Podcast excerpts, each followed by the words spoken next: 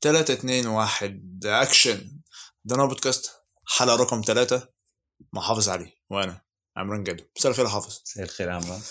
كان في نقاش بيني وبين حافظ عن مفهوم الغضب وإزاي كل واحد شايف الموضوع من وجهة نظره. إذا كلام النهاردة عن الغضب. بما إن الصلابة هي محور رئيسي في موضوعنا كنت شايف إن العقل الغير غاضب أو الغير مستفز هو الأكثر صلابة وصعب التلاعب بيه. والغضب محتاجين نشرحه ونفكك مفهومه عشان نعرف نتكلم فيه. الغضب باختصار في علم النفس أنواع. النوع الأول وده رأي دين بالمناسبة وهو يا إما سريع ومفاجئ وده سببه الحفاظ على النفس في حالة الاختطاف أو الحبس أو التعذيب. النوع التاني بيكون غضب متعمد نتيجة رد فعل الإحساس بالظلم أو الإهانة. بس إحنا مش جايين نتكلم في علم النفس. إحنا بنتكلم في الغضب من وجهة نظر مختلفة شوية. لأن معظم الآراء في علم النفس بتسيب الغضب ياخد مجراه عادي وبيعملوا وقود وبيحولوا لمسمى فكرة الغضب الحميد. فعلا في ناس وممكن نشوفهم بين قوسين ناجحين بمفهوم الغضب الحميد كرد فعل الإهانة أو أو لظلم تعرضوا له فبالتالي هو عايز يثبت نفسه على الكلام اللي اتقال في حقه. بعد كده بيوصل لمستوى إن هيشوف في حاجة أو في مستوى أحسن منه مش هيقدر يتخطاه فهيزعل. أو حتى لو هو وصل للقمة هيفضل الكلام ده زي جرح مفتوح وبينزف كل شوية عشان يسمح لعاطفة أو شعور يبقى وقود ليه. والنجاحات والإنجازات في الحالة دي مش بتداوي لأن الأول عشان تعالج محتاجين معالجة انطباعاتنا والعلاج الذاتي هو فعلا اللي بيداوي في المرحلة زي دي. هل فعلا الغضب ده بيكون دافع أو محرك؟ أنا شايف فكرة الغضب الحميد اللي هو أنا عامله دافع أو محرك يزقني ده غلط. واللي ماشي بيه هيحقق خسائر خسائر جانبية كتير لأنك في الوقت ده بقيت عاطفي والعاطفة غلبت العقل بالتالي أنت شخص ماشي بانطباع راكب عقلك طول الوقت. وقراراتك هتبقى عاطفية. هديك مثال بسيط. مثلا لو إحنا في حرب وأنا بختار الحرب لأن الحرب ده أكتر وقت شعور غضب بيجي فيه غصب عن أي حد. وان أنا صديق وهو صاحبنا وطبيعة كونات اخويه الحرب مع كل اللي إحنا بنشوفه كل الكلام ده صديقنا اتقتل في المعركة. شعور إن إحنا ناخد حقه ونرد المظلمة اللي حصلت له ده طبيعي. بس ما ننساش إن إحنا في حرب. وطبيعي الموت موجود في الحرب والخسائر موجودة في الحرب. وموجودة في كل الحياة عموما. وإحنا بناخد حقه. بدافع العدالة ورد المظلمة مش بدافع الانتقام. لو خدناه بالانتقام هنقتل كل اللي هيقابلنا حتى لو عزل وأبرياء وأطفال ونساء ومسنين لأن قلبنا محروق. وده ما ينفعش يحصل. إحنا ماشيين بالعقل. المحارب والمقاتل ما ينفعش يكون عاطفي حتى هو بينفذ القتل أساسا. لأنه لما يخ... لأنه لما هيخرج عن شعوره هيبقى شايف الدنيا كلها حمراء في عينه وفي وشه. وده اللي نجح محاربين روما على مدار مئات السنين على مقاتلين أضخم منهم وأشجع منهم وأقوى منهم بسبب إن هم كانوا مقاتلين هاديين. وياما أبطال ماتوا بدافع التهور عشان صاحبه أو زميله بيموت وعايز ينقذه. بغض النظر بقى إن في كمان معمول اللي جاي ينقذ اللي واقع على الأرض ده وصاحبنا اللي اتحرك عشان ينقذه اتحرك بمشاعره بدون احتياطات أمنية وبيموت. لأن الغضب هو قاتل لصاحبه والحروب دايما يحافظ يعني هي إما على الاساس النفسي في المقام الأول واللي بيعرف يستفز التاني أكتر أو بيخليه يحس بالملل أكتر أو الخوف أكتر مجرد ما شعور سيطر عليك انت تخرج عن المنهج والكود اللي انت ماشي عليه. هتخسر هتموت. والحقيقة هي حرب كبيرة. حتى الخلايا والبكتيريا جوانا بتحارب بعضيها. وإحنا كبشر بنحارب بعضينا. مصارين البطن بتتعارك فعلا. بس بس حتى في الحرب لازم يكون في احترام وفي عهود. يعني من أول حرب لو كنا إحنا خدناها بالطريقة دي كنا انقرضنا. طب أنا جبت لك مثال مش يمكن كلنا حاسين بالحرب أو بنشارك فيها. والحرب في جيناتنا وهتفضل موجودة طول ما الإنسان عايش. ما بالك بقى باللي بيغضب على أخته أخوه أو أمه أو أبوه أو مراته؟ أو العنف الأسري اللي أنت بتتعامل معاه حتى حافظ في المحكمة واللي إحنا بنشوفه في المجتمع المصري وبدأ يزيد الفترة اللي فاتت. وبنشوفه. أو حتى بت... أو حتى بيخرج عن شعوره مع صحاب عن... يعني بيخرج عن شعوره في وجود صحابه أو في وجود زمايله. دول إخواتك في الدم في الوطن في البشرية. دول محيطك. أنا بستغرب من شعور الغضب. آه وأنا صغير ياما غضبت وياما زعلت ناس مني. كنت ساذج وغبي. وساعات بكون كذلك. بس ما افتكرش اني خدت رد فعل عنيف أو رميت حاجة وكسرتها أو تطاولت على حد غريب بشتيمه مثلا. مثلا هنقول إن الإنسان بيحب يكون موجود أو بيحب يتشاف وبيحب يعبر عن وجوده ده بأي طريقة. ايا كانت الطريقة. الفكرة كلها هنا في محاولة السيطرة على الأنا. هيظهر السؤال إزاي هو يقدر يتحكم فيها ويشوف الكلام ده مصدره إيه. الإنسان إزاي يوصل لفكرة التحقق وإنه يحس إنه موجود؟ أنت موجود بشغلك وبأدائك في فريقك أو المشروع بتاعك وإنك شايل مسؤولية تخلي نفسك نسخة أفضل عن إمبارح وقتها هتبقى قائد على نفسك ناجح وعضو فريق جيد وقائد جيد. تعبير عن نفسك أو لو هنقول إثبات نفسك هو إنك تتحكم في نفسك مش تطلعها عليك وعلى اللي حواليك. اتحكمت في نفسك تقدر تتحكم في أمور كتير. طب إيه الحل العملي اللي بره دايرة التنمية البشرية دي وجو انت أحسن وأنت أقوى و... أكيد في حل يعني عايزين حل. منطقي. مش بص هو اولا أنت محتاج تغير انطباعك وتتحكم في نفسك. يعني ما ينفعش أي حاجة تضايقك ما ينفعش أي حاجة اللي هو أنا لازم تغير انطباعك الأول إن تشوف مثلا الحاجة دي هتضايقك أو الحاجة دي مش هتضايقني. والحل ده بعيد كل البعد عن التنمية البشرية اللي كل هدفها تنمية عجلة الاقتصاد على الصحة النفسية للبشر والموظفين والعاملين. هل انت كده خرجت بره دايره التنمية البشرية؟ لأن أنا مش بقول لك تستحمل غضبك وفرغه وروح ابلع حبوب مهدئة نفسية ومش عارف إيه لأ أنا بقول لك انطباع ذات نفسه الحدث السيء غير انطباعك عليه. لما أنت تغير انطباعك عليه أنت كده خلاص يعني هتكتشف إن الغضب أصلا هو وهم طبيعي المتاع هتيجي طبيعي إن المشاعر هتيجي بشكل غصب عنك مش بتتحكم فيه لكن تقدر تتحكم في انفعالك ما تنساش إن إحنا حراس بوابه عقلنا عايز تخلي حد تاني حراس عقارك؟ اتفرج. يعني مثلا زي مديرك في الشغل الراجل اللي جنح عليك واوزانك في الطريق. لاعب الكورة اللي ضيع ضربة الجزاء ولا الحكم ما حسبش فاول فريقك ولا اللاعب اللي خسرك في الفانتازي عيالك اللي ما سمعوش كلامك مراتك اللي اتأخرت عليك في حاجة. يبقى ما تلومش إلا نفسك. لأنك مش مسيطر على عقلك مش مسيطر على نفسك. بس هل أنت تقدر يعني أنت ممكن تحاول تطوع شعور الغضب ده؟ يعني هينقلك نقلة إبداعيا في حياتك بس الطريقة. أنت رأي اتقال في حقك وغضبت. ما قدرتش تتحكم في شعورك ده. يعني زي مثلا حد مثلا شكيك فيك مثلا. مثلا. في بداية زي ما بيحصل معانا يعني. ده العادي اللي هو آه محتاج اللي هو أنا كأني باخد رايي كأني مثلا باخد الكلام اللي اتقال في حقي ده اللي هو كأنه وقود ليا بقى إن هو أنا سأرد على المشككين والكلام ده كله. بص آه الطريقة دي مش كويسة. لأن أنت محتاج تشوف الإيجو بتاعك ده تحطه يعني تراجعه تاني كده تقول أنا الإيجو بتاعي اتجرح؟ اذا الإيجو بتاعي ده ما اتجرحش الإيجو بتاعي ده أصلا لازم آخد بالك منه. آخد بالي منه إن هو متوجه لشخصي ولا متوجه ل للي أنا بقدمه. أنا ببص ليه في الطبيعي أو أو مش في الطبيعي يعني معظم الناس بتبص لل للنقد إن هو نقد ذاتي أكتر منه نقد للشيء اللي أنت بتقدمه. هنا بتكون المشكلة. معايا؟ ماشي. زي ما قلت هتاخد بالك من الإيجو بتاعك. هتقول ده مستقصدني؟ كلام الراجل اللي هو موصلك أو الشخص اللي وصل لك الكلام ده؟ هتسال نفسك سؤال هو مستقصدني؟ غالبا لأ. ما جميل. بس ممكن في ناس تقول لك مستقصدني. يا عمي ماشي. هسألك برضو هل الشخص ده مثلا عارفك معرفة شخصية؟ طب لو لأ ما يمكن تفهم رأيه تاني كويس. تطلع بالحلو منه. وخلاص وتسيبك من الرصاص اللي طلع من بقه. هتقول لي ده غلط فيا أو شتمني؟ يا عم هو جهله بيك. وصله لكده يا سيدي. هنحاسب الأشخاص على جهلها لا طبعا. ما بالك لو عارفك معرفة شخصية. وحتى يا سيدي قلنا بيحبك. مش ممكن هو خايف عليك أو أسلوبه كده. حتى لو شايف ان هو مستقصدك وعايز يجي عليك ويدمرك. يا عم خلاص يبقى جهله بالحياة. ودي نظرته للعالم. وصله لكده. سيبه. إيه المشكلة؟ خلاص الكلام مش بيلزق. افعالنا هي اللي بتلزق فينا. الناس والحياة مش هتقول لك يلا اللي شتمت بأمك في 2015 بس هتقول لك يلا اللي عملت حاجة غلط في 2015 تمام؟ أنا شايف إن الغضب ما يدخلكش أصلا. ودي طبعا حاجة مش بين يوم وليلة. ده حاجة عايزة حكمة. والحكمة مش عايزة إلا ممارسة مش عايزة قراية. الممارسة عايزة ضغط. والضغط أنت بتحط نفسك طول الوقت تحت ضغط عشان تعرف تمارس الحكمة دي كويس. ده غير إن مفهوم الإساءة أو الإهانة محتاج تتخلى عنه. متخيل واحد أعصابه مشدودة طول الوقت؟ هتقول عليه مجنون صح؟ بس في نقطة تانية اللي هو أنت بتقول ده غير مفهوم الإساءة اللي محتاج اتخلى عنه. طب ما هو توجه لي. ما هو بالظبط. ما هو بالظبط. عشان ما أنا ده هجيلك في الكلام بقى فيه. أنت مربي شعور عندك أو مربي انطباع عندك إن طالما ده حصل لي يبقى أنا اتهنت يبقى لازم أغضب. يعني مثلا اللي هو إيه زي ما أنا قلت لك هو في حد ضايقك في حد مثلا شتمك بأمك مثلا وإحنا في الشارع. طبيعي إن هو إزاي تغضب وإزاي مش عارف إيه بتاع الجو ده.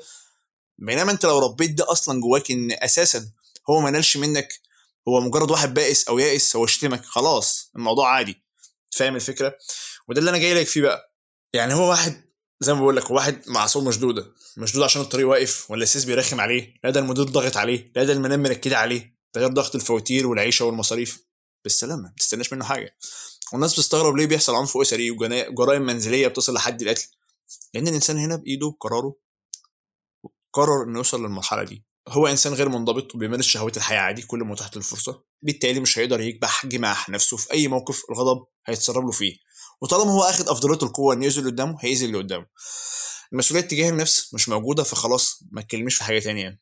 وللأسف الشديد الإعلام ووسائل التواصل الاجتماعي عايزة الترفيه للي بيشوفها وكمان بتعمل دعاية للترفيه والإنسان مضغوط ضغط صناعي من ناحيه الحصول على المال وكمان هو عايز يخرج منه في احوال كتيره مش بينجح في طريق الحصول عليه وبيغضب برضه.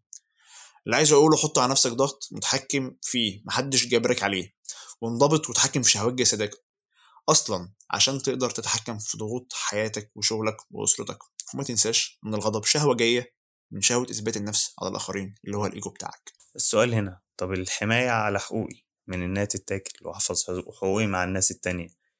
ما أنت أكيد مش عايز أكيد أنا مش عايز إن أنا أكون دواسة كل حد يجي اللي هو يضغط عليا بقى. ما هو أنا واحد بستحمل واحد ساكت واحد ساكت على الإهانة ساكت على كل الكوارث دي وما بديش أي رد فعل. جميل. فالطبيعي إن أنا خلاص أنا بقيت دواسة. أي حد داخل هيدوس عليك عشان يمشي. جميل الكلام. هو هنا بقى بيجي دور الصرامة والانضباط اللي هو أنت لازم بتفكر في محيطك وبتعرف محيطك إيه الحدود بتاعتك؟ وتعرفهم بشكل هادي بشكل عادي خالص وتبين العواقب بتاعت كل ده. واللي هيتعدى الحدود دي همارس ال- العقوبات دي عليه بشكل إجرائي عادي وقانوني وأخلاقي مش اللي هو يعني فاهم؟ أنت عارف الموضوع بيبقى ماشي إزاي. خليك صارم بشكل أخلاقي. مبروك انت كده حفظت حقك من غير غضب وقله قيمه ومن غير ما تبقى غاضب لأن الغضب معروف دايما ان انت هتاذي اللي قدامك يعني أنا خرجت عن شعوري خلاص أنا راح اذي اللي قدامي ده على اعتبار إن الناس يعني بي بيكبح جماحها زي ما أنت قلت القانون ده فين ده؟ من ناحيه إيه وضح لي تاني انت بتقول ان أنا بلتزم تجاههم بالتزام. قانوني واخلاقي و... وبلا. بلا بلا هل الناس بتلتزم بده؟ لا أنا بتكلم اللي انت ما بالظبط ما بتكلم أنا بتكلم في قصه كده أنا بتكلم ان انت بتبين للناس حدودك إيه بتفكرهم بيها أول بأول. بالتالي ما حدش عارف يجي عليك. مين قال كده؟ ده طب؟ اديني؟ موقف قول. لا كتير. ما هو ما أنا بتكلم أنت شخص مثلا أنت داخل مثلا مكان ما وبتتعامل فيه واشتغلت فيه ايا كان ومعرف الناس كلها حدودك إيه. حلو. الناس اللي ما تعرفش. ما الناس تعرفها طول الوقت تقول لهم أنا أنا حدودي واحد اثنين ثلاثة الكلام اربعه ده أنت لو أنت بتتعامل مع محيط هو هو نفس الناس كل ما هو بالظبط ده اللي كلام عليه. أنت في الحياة معرض إن أنت تقابل ناس كتير. آه طبيعي معرض فعلا معرض فعلا أنت تتشتم معرض إن فعلا معرض فعلا يحصل لك. أي حاجة. طيب. طب ما طبيعي ما هو بالظبط هنا بقى بيجي دور هنا بقى بيجي دور إن أنت فعلا محتاج تتعامل مع الإيجو بتاعتك إن مش أي حاجة فعلا تقدر تأذيها. هي دي النقطة. يعني يعني مثلا أنت مثلا في المحيط بتاعك آه أنت تعرف الناس كلها حواليك كده. هم عارفين إن أنت تمامك إيه وعارفين وضعك إيه. بالتالي محدش هيأذيك. إنما لو إحنا اتعاملنا مع الغربة أو ايا كان طبيعي هيحصل لك أي إساءة. طبيعي مرة نفسك على ده كله كل يوم. ما تنساش حتى مثلا حتى أقوال ماركوس أوريليوس والكلام ده كله أنت لو كنت قريت فيه أو كلام من ده هو بيقول لك مرة نفسك كل يوم على القصة دي؟ وفعلا أنت محتاج تمرن كل يوم نفسك إن أنت تتعرض للإساءة. تتعرض للظلم تتعرض للجشع تتعرض لكل الكلام ده مع القصة دي. بس فأنت اتحكمت في نفسك خلاص أنت بقى ليك بشكل أو بآخر سلطة على التحكم في مناخك الاجتماعي. واللي أنا عايز أقوله برضو إن أنت مثلا إيه يعني أنت واحد زي ما بقول لك أنت حفظت حقك. ولما أنت تحفظ حقك من غير غضب وقلة قيمة في حق نفسك خلاص أنت كده أنت كده مش تمام. لأن الغضب زي ما قلت هو معروف إن فيه نيه لاذاء الآخرين وبيخلق جو عدائي. واظن أنت مش محتاج تخلق الجو ده في بيتك أو في شغلك أو في حتى مع جيرانك في الحي بتاعك. بس إيه العمل مع الناس اللي بتتعصب دايما؟ يعني أنت أنت معرض إن أنت تتعرض لناس كتير جدا طول الوقت بتتعصب. جميل. حلو. الكلام ده بقى عايز تقوله للناس اللي بتعصب ولا عايز تقوله لل لينا إحنا نتعامل إحنا معاهم إزاي؟ أكيد للاثنين أكيد الاثنين إحنا مننا إحنا زي ما بقول لك إحنا بنعالج انطباعنا زي ما إحنا تمام. زي ما إحنا متفقين مع متفقين على الكلام ده. الأشخاص بقى اللي زي دول. اللي هو إيه؟ اولا يعني الناس دي آه في ناس طبعها عصبي أو انفجاري اللي هو بيستفزوا بسرعة بس هي ناس طبائع خلينا متفقين. انت طابع وأنا طابع كلنا طابع. كلنا مش طابع كلنا عندنا طباع طباع آه، أنا شفت ناس بصراحة يعني إيه إيه، السما لو طبقت على الأرض هو استحالة يتنزلوا أي حاجة استحالة يتحرك مكانه هو تمام هادي. لا لا مش موضوع خنازير. فعلا فعلا فعلا في ناس هادية. في ناس هادية وعلى فكرة الناس دي مطلوبة. يعني الناس دي آه، هم اللي عارفوا ياخدوا قرار صح في الأوقات اللي زي دي. في الأوقات اللي فيها الدنيا كل حاجة خبطت في بعضيها ومش عارف إيه وبتاع. طبعا في ناس اللي هو غياب معلقة السكر من من صينية الشاي مثلا آه، خلاص اليوم باظ وأنا أي حد هقابله همسك فيه وكل الكلام ده. أنا بشوف إن اللي طبعا انفجاري فكرة إنه يطلع اللي حواليه ده خلاص هو أكيد يعتبر فشل. وللأسف عرفت ناس بوظت جوازها وعلاقتهم مع أفراد أسرتهم أو أصدقائه بسبب العصبية. والحل بسيط. أيوه بصيت إزاي؟ جميل. أنت شخص الشخص اللي الانفجاري ده؟ زيه زي ناس كتير أو زي زي زي أنا حتى. ما بيكونش شايف كل جوانب الحياة أصلا. يعني هو بيبقى عامل إزاي؟ والحل أصلا بسيط. هو واحد ما شافش كل جوانب الحياة عشان هو يمتلك الحمى العصبية دي على اللي حواليه. واللي هو إزاي ده يحصل وإزاي ده مش عارف إيه ده شتمني وده غلط فيا وده الكلام ده كله. مع إن على فكرة الناس دي بتبقى طيبة. أنا اتعاملت مع ناس كتير جدا تعامل شخصي مع الناس دي. الناس دي فعلا طيبة والناس دي فعلا محترمة والناس دي فعلا جدعان والناس دي فعلا هم أحسن وأطيب ناس. أنا بشوف حتى الناس دي خامات مقاتلين هايلة وخامات رواد أعمال ناجحين ان دمهم حامي.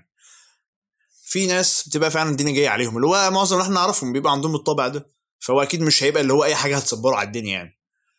أو مثلا واحد لسه بيشتغل على نفسه زي حالاتنا وكل الكلام ده وعايز حل لكل ده خلاص بسيط روح شوف اشتراك جيم. وفي اشتراك ده مثلا في نادي نادي رياضة قتالية. نلتزم فيه منضبط فيهم وخلاص. حتى أنا من وجهة نظري أصلا العب jitsu لأن هو ال jitsu أصلا كويس في إدارة الإيجو أو الانا بتاعتك وبتاعت أي حد. ورياضه ممتعه لانها أصلا هتربي الثقة في النفس وهتخليك كمان أصلا تحترم خصمك مهما كان مستواه أعلى منك أو أقل منك. العب MMA العب kick box العب رياضة قتالية وفرغ طاقتك وتعامل مع مشاكلك النفسية تحت الضغط ده. وتعرف إن كل تصوراتك عن الحياة دي أصلا أغلبها وهم هو إحنا ممكن نكون مش مختلفين بنسبة كبيرة. خصوصا إن في أوقات كتير جدا بيكون الدافع للغضب هو إظهار النفس. الإيجو بينح عليا شوية. اني أنا جامد آخر حاجة وإنتوا عايشين في التلاجة يعني مفيش يعني كل واحد شايف نفسه أحسن حد ومش فاهمين حاجة. بس على الجانب التاني في مشاعر تانية هي اللي بتكون دافع الغضب ده غير الأنا. لكن التحكم طبيعي يكون مطلوب خصوصا إن التحكم بيديك دفع أكبر للسيطرة. وإن أنت ما تكونش واقع في غلط. على الأقل زي ما أنت قلت مش هوقع أذى على اللي حواليا وربما دي أكبر فضيلة في الموضوع. و... وده اللي حاول يناقشه مثلا حد مخرج كبير زي عباس كيارستامي في طعم الكرز إن هو البطل كان عايز ينتحر لمجرد إن هو بيأذي كل اللي حواليه. هو مش عايز يأذي حد هو عايز يتخلص من نفسه عشان ما يسببش أذى للناس اللي حواليه. مع إن الحياة حلوة وانت بتسبب مشاكل اللي حواليك. يعني الواحد بتاع مشاكل بقى مطلوب برضه. ما أعرفش يعني بحس إن بتاع مشاكل ده مهم. لكن حقيقي ونرجع للواقع انت في اوقات كتير ان لم يكن طول الوقت انت بتكون واقع تحت الشعور ده بدون وعي. يعني انت بتتعصب وبتأذي اللي حواليك من غير وعي. وهنا مشكلة كبيرة انك بنسبة كبيرة بتكون مش مدرك اللي بيحصل ولا مدرك أصلا للعواقب بتاعته. فاحنا عايزين حل لأننا لأننا نقدر نتحكم قبل وقوع الفعل نفسه. رجوع للوعي واللاوعي. نقدر نتجنب بيه الفعل قبل وقوعه. وبكده نكون قطعنا شوط كبير في السيطرة. لأن السيطرة دي هي المفتاح اللي في إيدك واللي بيفتح لك الطرق. لو ضاع المفتاح أو البوصلة مش هتوصل لحاجة بل هتأذي نفسك بدخول طرق ما كنتش تحب تدخلها وتدمير لعلاقات ما كنتش تحب إنها تتهدم فيهم. وده بشوفه في صورة التوجيه للانفعال أو زي ما قلت لك الغضب الحميد. في مشاكل بقى هتقابلنا. أولها إزاي أوصل لأصل الشعور أصل شعور الإهانة ده؟ إزاي عشان أقدر أتجنبه؟ يعني أوصل له عشان أقدر أتجنبه. وخليني تجنبته هل أنا هكون سالم من أذية المجتمع؟ ده كمان غير إن المجتمع ليه معايير معينة في حكاية الإهانة. مش هنقدر نتجاوزها يعني لو إحنا اتجاوزناها في حقنا كأشخاص مش هنقدر نتجاوزها بالنسبة للمجتمع. وإحنا عايشين في وسط جامعه ده أكيد. مش عايشين منعزلين. فلازم يكون في اعتبار للمجتمع. آه، بص هو اعتبار المجتمع آه، الناس بتحترم دايما الهادي. آه، مش لكن أنت قصدك أكيد اللي مش بتحترم بيحترموه بس بيشوفوه أهبل. ما هو بالظبط ما هو ده على حسب. ما هو أنت مثلا لو شخص مثلا اللي هو أنت ما شاء الله بقى فاهم شخصية و... ثلاجه حرفيا. لا ما ما التلاجة التلاجة على فكرة أنا أنا بحترم ناس التلاجات. يعني التلاجات اللي هم الهاديين بحترمهم. بالذات كمان اللي هو راجل صاحب سلطة أو راجل صاحب نفوذ أو كل الكلام صاحب ده السلطة السلطه هتحميه من المجتمع. إنما لو موضوع انت تحميل من المجتمع هو فعلا بيبقى في ناس اللي هو مثلا أنت أكيد شفت الناس دي كتير تبقى مثلا واحد آه حاجة ومثلا اتعرض له بلطجية ايا كان وقال له يشتمه ويلا يا ابني مش عارف إيه، وبتحصل كتير. وما بيحطش عقله بعقلهم وتلاقي مثلا عندي في تاني تاني يوم مثلا مقتولين. أو تاني يوم مثلا العيال دي مثلا في الحبس. ومعلش يا باشا وتلاقي مثلا جايب أمه وأبوه ومش عارف إيه. ده القوة هنا. القوة هنا مش في فكرة إن أنا بكون آه، بتصارع على أي حد يتعرض لي أو ايا كان. لا أنت قوي فعلا. حتى وأنت بتتأذى إنك ما تخرجش عن شعورك لأن أنت فعلا تاخد- حقك. وعارف إن في معاك ناس تعرف تجيب لك حقك. هي دي القوة. لكن فكرة اللي هو الهلع وكل الكلام ده يعني حتى مثلا آه، حتى انت حتى انت حتى مثلا لما بتيجي مثلا آه، أنت أكيد شفت ماتشات مصارعة أو بس مصارعة اللي هي المصارعة العماني أو كل الكلام ده. حتى مثلا لو في تيك داون هو واقع أو كل الكلام ده لو في هل- حالة هلع حصلت له وهو بيقع هيخسر. طبعا إنك هتقع فهقوم تاني هو استغل الوقعه و... وهفلانك هي دي هي دي النقطة. مفهوم الغضب بالنسبة لي هو نابع من النرجسية أو الأنا العليا أو الإيجو وحد داس عليه أو إحساس بالظلم والإهانة. واللي أنا شايف إن الأنا العليا والظلم والإهانة متشابكين في بعض. الفكرة في الانطباع زي ما قلت لك يا حافظ. انت عامل انطباع ان مثلا في فلان ما سمعش الكلام يبقى لازم أغضب. حد غريب شتمني في الشارع بأمي يبقى لازم أغضب. طب ما يمكن بيمر بيوم صعب أو حياته وحشة. خلاص سيبه عايش في يومه الصعب وحياته الوحشة لحد موته. هتنزل تضربه وتقتله في بعض؟ ما الشتيمه والكلام مش مراية لينا وبيلزقوا فينا.